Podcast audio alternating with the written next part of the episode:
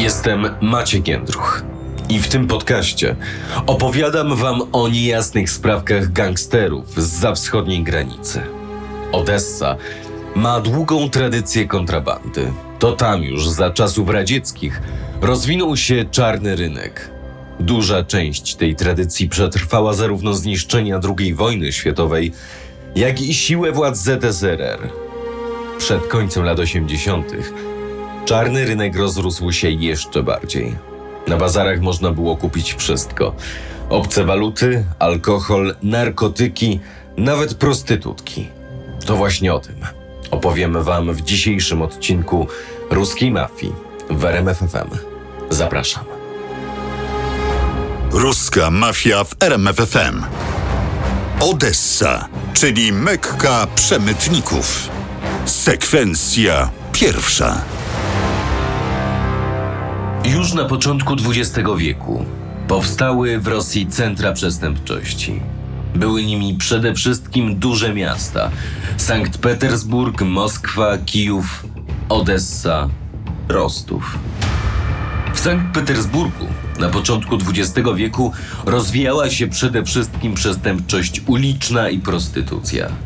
Miasto jako stolica państwa przyciągało wszelkiego rodzaju przestępców. Odessa zaś jako miasto portowe została mekką przemytników, złodziei i przestępców posługujących się bronią. Jedno z najstarszych miast na terenie dzisiejszej Ukrainy. Stolica arbuzów i mekka przemytników. Tak nazywana jest Odessa. Poza tym, to stolica obwodu odeskiego Ukrainy położona nad Morzem Czarnym. W swojej monografii pod tytułem Rosyjskojęzyczna przestępczość zorganizowana Studium kryminologiczne Katarzyna Laskowska opisując struktury mafii działającej na terenie Ukrainy podzieliła ją pod względem geograficznym. Obwód odeski znajduje się w tak zwanym regionie przyczernomorskim. Odessa miała długą tradycję przemytu nielegalnych produktów. W czasie lat 90. przestępczość zorganizowana osiągnęła poziom najwyższy. Jak przeczytałem w książce Laskowskiej, która pisze dalej, podziemny świat, który do tej pory charakteryzował się działaniem pojedynczych osób i luźnych grup na nieformalnych i nielegalnych rynkach, gdzie zyski i korzyści były raczej umiarkowane, ustąpił światu, w którym rywalizujące frakcje polityków i przestępców walczyły o kontrolę nad ważnymi dla nowej gospodarki zasobami.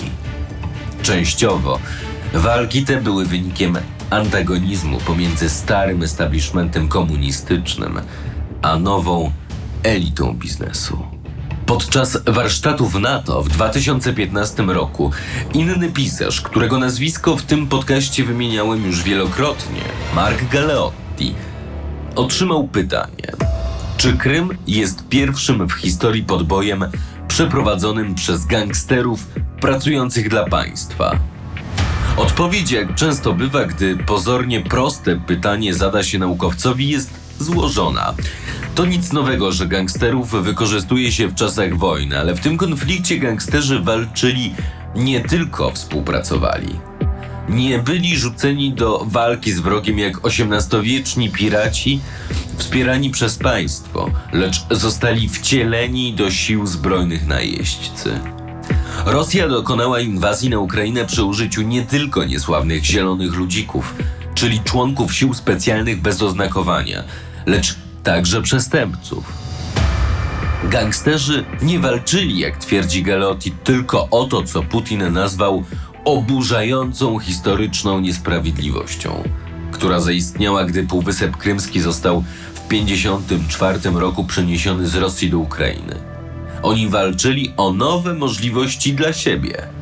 Według badacza i historyka, od początku kampania Moskwy, by wyrwać Krym spod kontroli Kijowa, była powiązana z interesami świata przestępczego.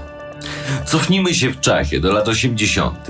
Tak jak w Rosji, proces prywatyzacji na Ukrainie umożliwił przyrost organizacji przestępczych, podejrzanych biznesmenów oraz skorumpowanych polityków.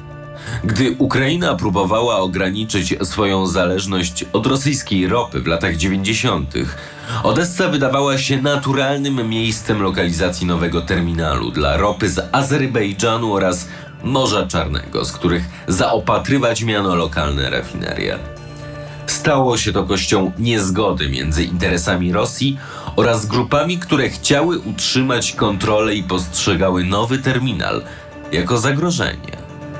Ale to oczywiście nie skupiało się wokół samej Odessy. Cały Półwysep Krymski właśnie był idealnym pod względem geograficznym miejscem do przemytów. W końcu lat 90. były nawet pewne raporty o tym, że kolumbijskie organizacje przemycające narkotyki kupowały nieruchomości w miejscowościach wypoczynkowych na Krymie i wykorzystywały czeczeńskich i ormiańskich zabójców w celu eliminacji słowiańskiej opozycji. W Sewastopolu współpracowały nawet z Regionalnym Działem Zwalczania Przestępczości Zorganizowanej, który aresztował lidera rosyjskiej przestępczości o pseudonimie Slawian. Chociaż Slawian miał koneksje w lokalnych strukturach władzy i sojuszników w policji, to konkurująca z nim grupa miała jeszcze większe wpływy. Wykorzystał on organy wymiaru sprawiedliwości do bezlitosnego usunięcia konkurencji. Ruska mafia swoimi mackami potrafi opleść niemal każdy zakątek świata. W następnym odcinku Państwo wypowiedziało prawdziwą wojnę klanowi złodziei. Trudno powiedzieć, kto zwyciężył w tej wojnie.